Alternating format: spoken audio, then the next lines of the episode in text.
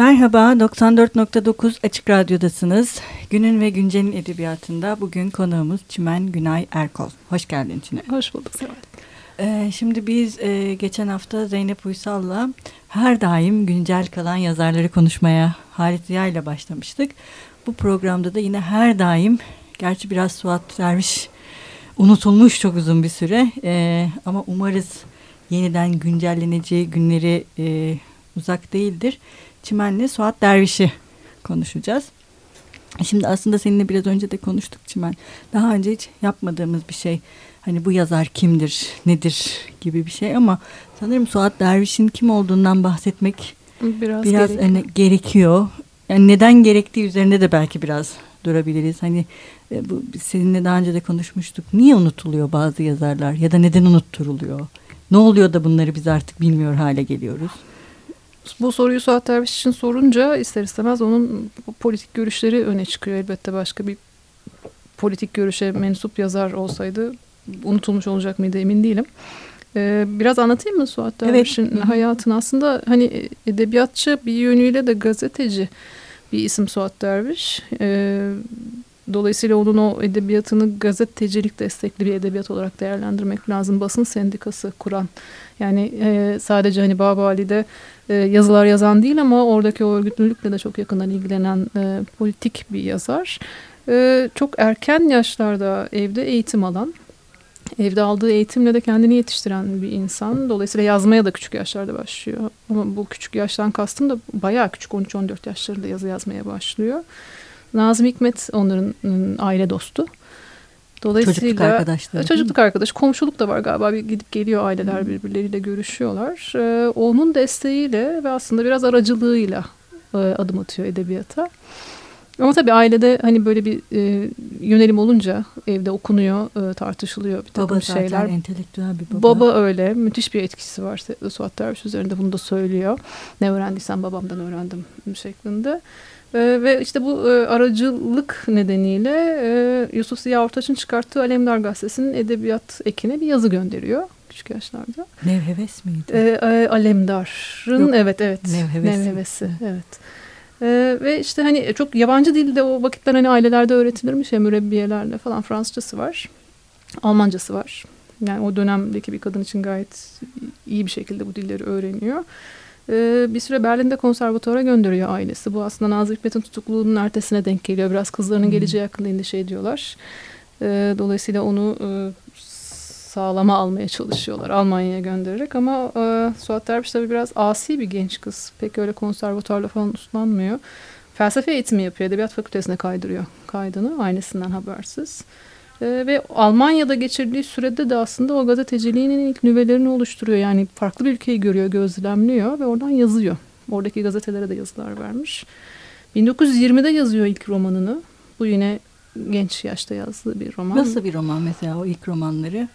Ee, kara kitap deyince herkesin aklına Orhan Pamuk geliyor ama ilk, ilk kara kitabın yazarı Suat Derviş. Aslında e, bu depresif bir roman.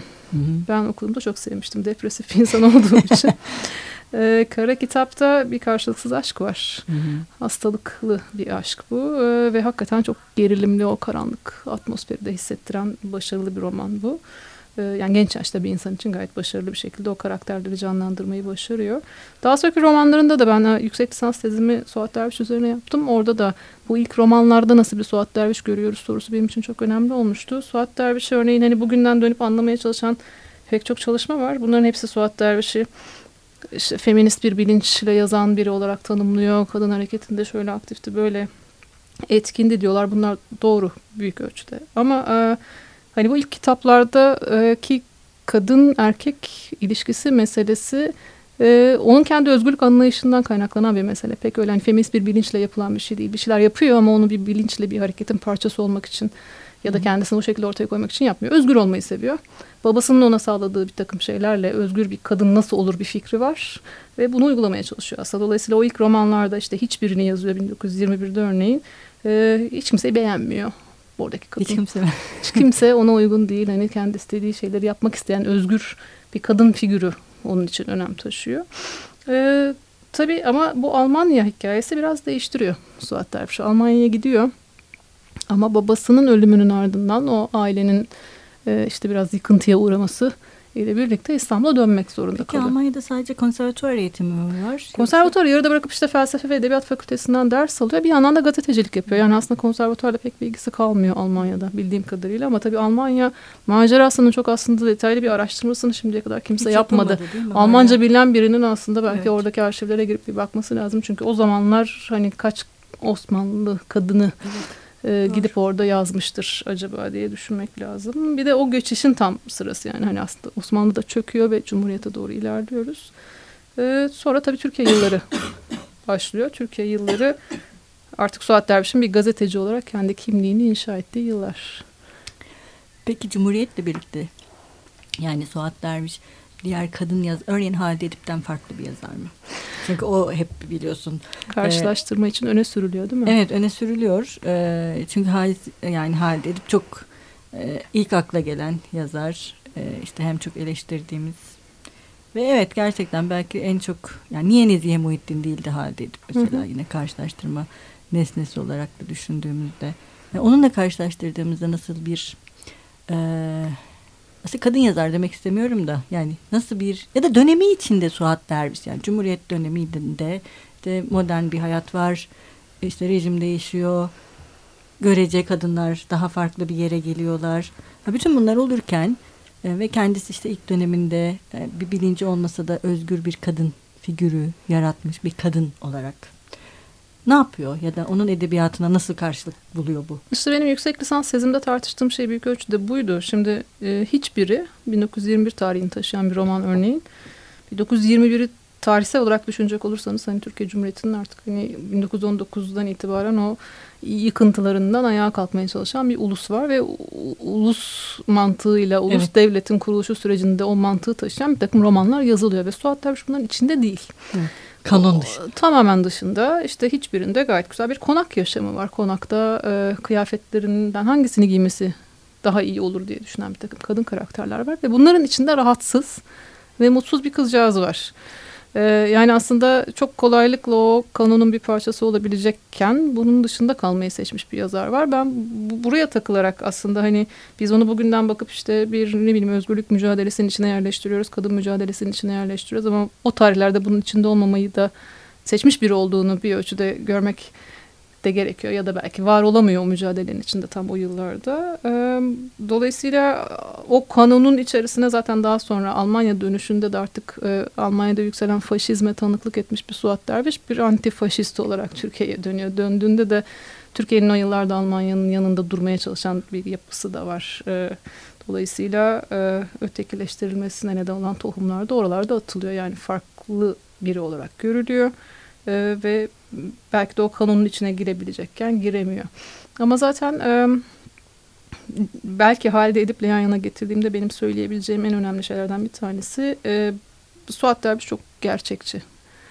Gazeteci gözüyle yazıyor bir takım şeyleri. Yani Halide Edip'in romanlarında bir, bir handandan aldığınız estetik zevki büyük ölçüde e, Suat Derviş'te belki de bulamayacaksınız. Ama bu estetiği önemsemediği ya da ikinci plana attığı anlamına gelmiyor. Onun çok daha direkt olma çabası var. Do doğrudan olma çabası var. Bu hakikaten sanki bir gazete... Daha dolayımsız. Evet. Yani başka türlü bir edebiyat yapıyor. Bugün de çok tartışılan bir şey ya gazeteci olmak ve hani roman yazmak. Bugün de var biliyorsun birçok gazetecimiz roman Yazıyorlar. yazıyorlar. Ve hani gazeteci edebiyatçı olmak diye çünkü sen de biraz önce e, bahsettin. Sanırım bu önemli bir ayrıntı. Yani, Geçmişten yani Suat Derviş'in işte özellikle bu Cumhuriyet'ten sonraki Türkiye'de de gazetecilik yapmaya başladığı dönemde gördükleri bu da onu değiştiriyor sanırım. Eğer gazeteci olmasaydı, başka bir hayat yaşasaydı ya da işte Almanya'da faşizmi insanlara neler yaptığını görmemiş olsaydı belki hala o yalılarda devam edecek. Devam edebilirdi kesinlikle. Hani beklentilerimizi bir yazara projekte etmeden keşke öyle bir şansımız olsa hani başka türlü bir yaşantısı olsa nasıl olurdu diye düşünüyoruz ama bunların hepsi tabii spekülasyondan ibaret kalıyor. Ee, babasının ölümü üzerine gazeteci oluyor, dönüyor Türkiye'de bununla geçiniyor, kalemiyle geçiniyor. Hı.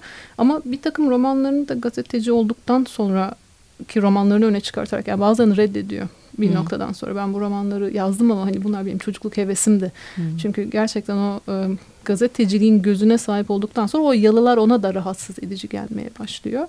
Ve ben bunları yazdım ama bunlar benim için bir çeşit öğrencilikti. E, artık onları roman olarak saymıyorum diyor. Şimdi biraz şeyden bahsetmek istiyorum. Bu toplumcu gerçekçilik.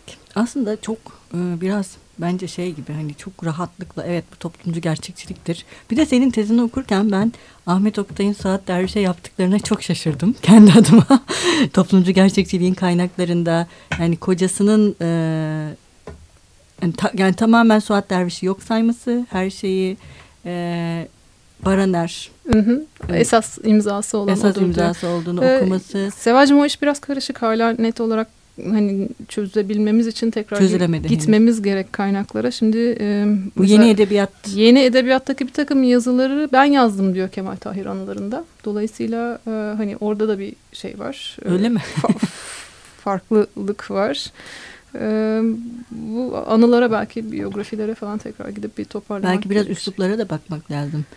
Çünkü o fıkra da yazıyorlar. Sadece şey makalede yazmıyorlar. Müthiş bir politik baskı var üzerlerinde ve o politik baskıdan kurtulabilmek için takma isimler de kullanıyorlar. Birbirlerinin adına imza da atıyorlar. Dolayısıyla hangi metni kimin hmm. yazdığı meselesi belki kendileri bile hatırlayamıyorlar. Muhtemelen hatırlamayacaklardır. O yüzden o anılarda çok fazla şey kaynak olarak kullan. Biraz şeyden devam edelim. Bu toplumcu gerçekçilik senin tezinin de şeyi bu. Suat Derviş bir toplumcu gerçekçi yazar mı? Hı hı ya da toplumcu gerçekçi yazar nasıl olunur? ne diyorsun?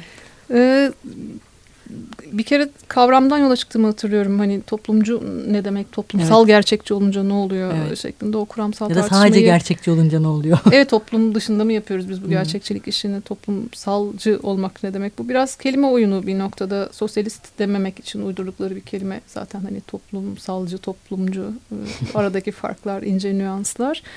Ee, ben tezimde Suat Derviş'in bir takım milatları olduğunu iddia edip onu göstermeye çalışmıştım. Tıpkı işte bu hiçbiri 1921'deki hiçbirinde ne kadar oturup hani yalıları yazıyorsa bir noktadan sonra 30'lardan sonra işte bu roman olan şeylerin romanı diye bir roman yazıyor. Mesela 1937'de burada fabrikalarda işte elini kolunu fabrikadaki makinelere kaptıran bir takım adamların aslında e, bir felaketten ötekine sürüklenmekten öte bir şansları olmadığını size gösteriyor ve bunu çok rahatsız edici şekilde yapabiliyor.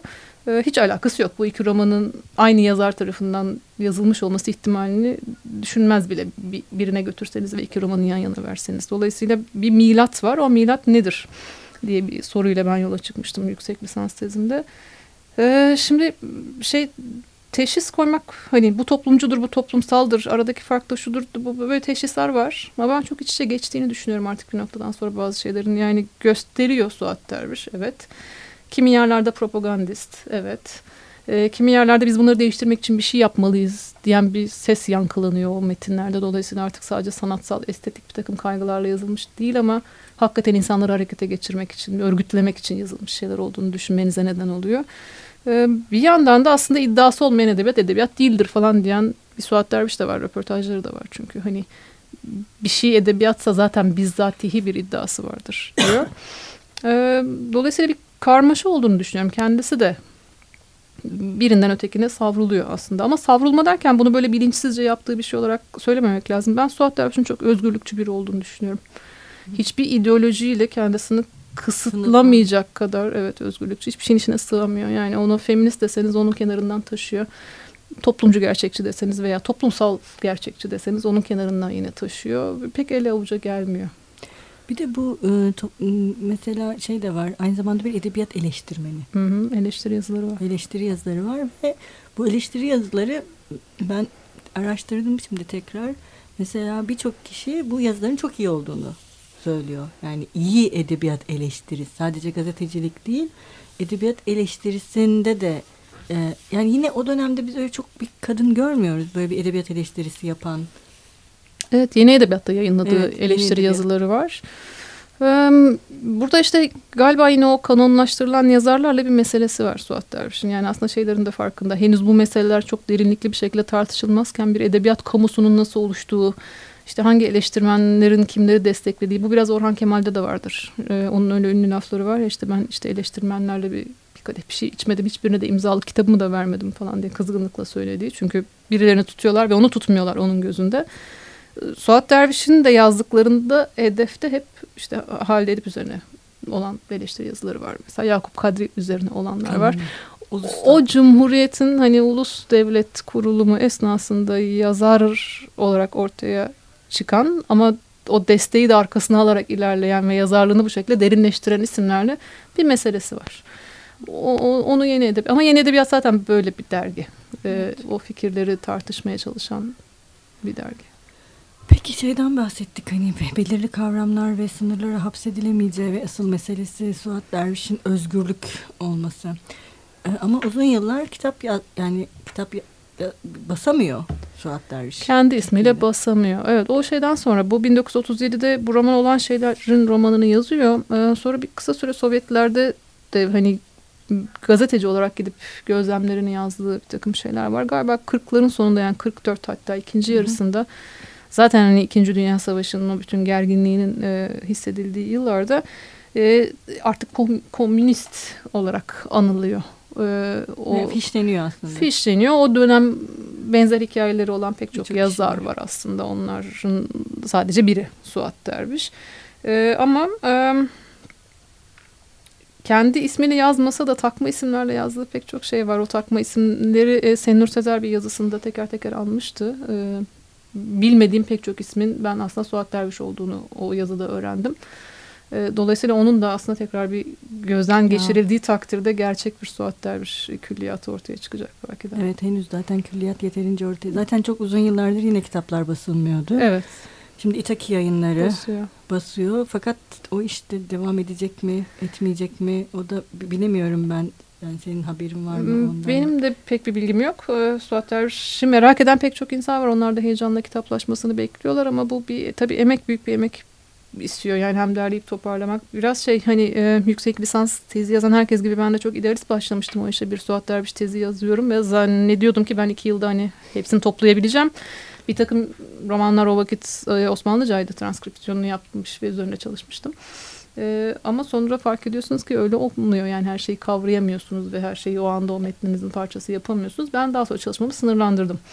Ama biliyorum ki hani yüksek lisans tezi değil doktora tezleri çıkartacak evet. bir malzeme var aslında. Ee, yine senin tezinde söylediğin şeylerden birisi de Suat Derviş'in pek çok yazı yazmış olması. Sadece bir romancı değil hikayeleri de var. Sen hikayelerini dahil etmemişsin. Ee, bir yazar olarak da gazeteci ve eleştirmen olarak da çağına tanıklık eden biri olarak da bu kadar çok yazan, üreten birinin e, yazılarının toplanmamış olması hala değil evet.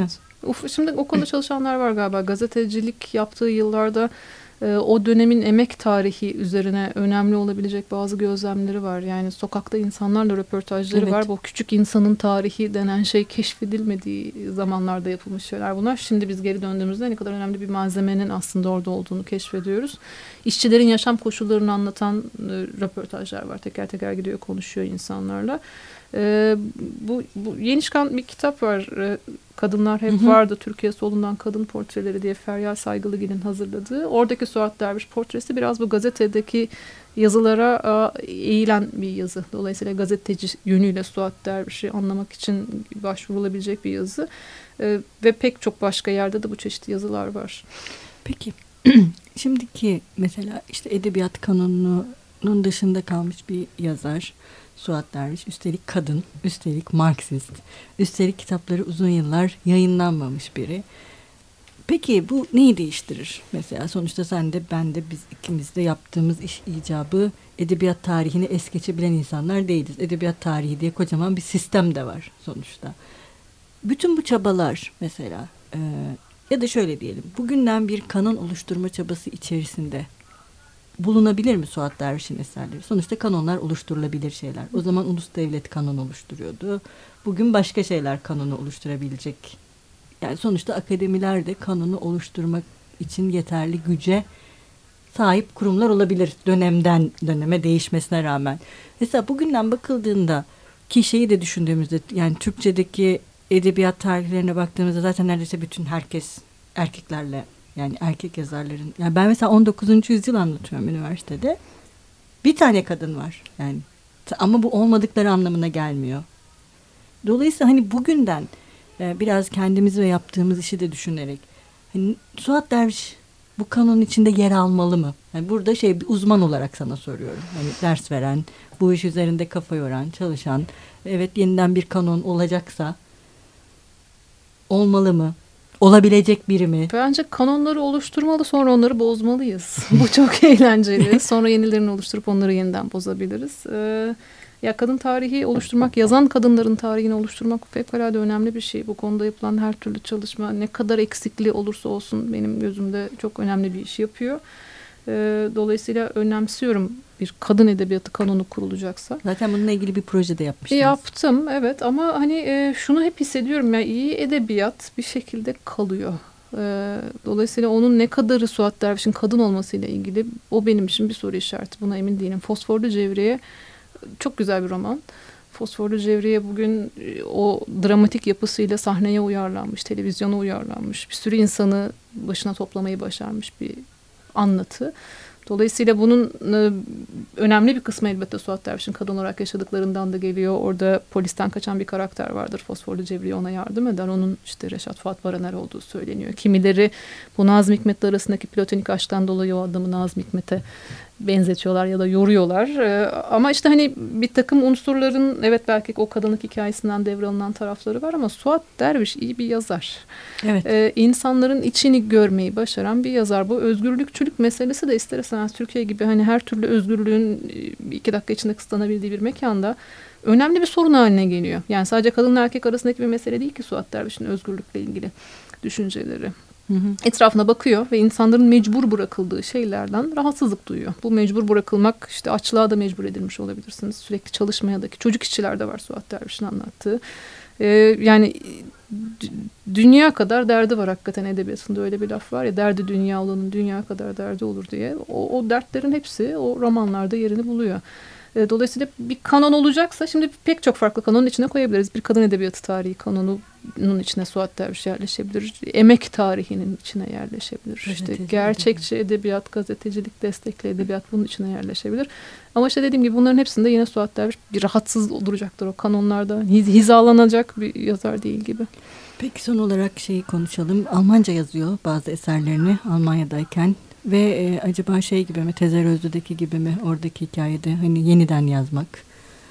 Bazı uyarlamalar Fransızca falan da var. Ee, yani bir takım şeyler evet e, Fransızca bir isimle çıkıyor daha sonra tekrar üzerinden geçip yayınlanıyor. Ee, Almanca yazdıkları ben yani yurt dışında yap, yaptığı yayınlara çok fazla eğilmemiştim.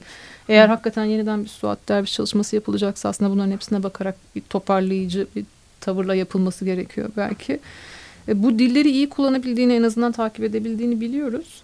Ee, ama hani bakmak lazım ne kadarını alıyor ne kadarını bırakıyor. Mesela Türkiye'deki siyasal koşullar nedeniyle bazı şeyleri çıkartıp yayınlıyor olabilir mi? Ee, Fransa'dakinden, Almanya'dakinden farklı yapılar olabilir mi? O, o, onun bir karşılaştırmalı okuması gerekiyor. Onu ben ve o dönemde Almanya'daki gazetelerde yazdığı şeyler de var, var değil mi? Evet. Almanca olarak o dönemde var. henüz bilmediğimiz. Belki Türkiye ile ilgili bir şeyler yazdığı. Kesinlikle bilmiyoruz. Bilmediğimiz bir dönem olarak e, ortaya çıkıyor. E, aslında Suat Derviş ile ilgili dediğin gibi senin bir yüksek lisans tezin var. Bir e, biyografi var ama uzun yıllardır baskısı yok. En son Kadınlar Hep Vardı da yine Suat Derviş'e ayrılmış bir bölüm var ama onun dışında Suat Derviş kimdir? Daha doğrusu bütüncül olarak bir Suat Derviş biyografisi ve bütüncül bir e, Suat Derviş edebiyatıyla biz henüz tanışmadık sanırım. Korkarım.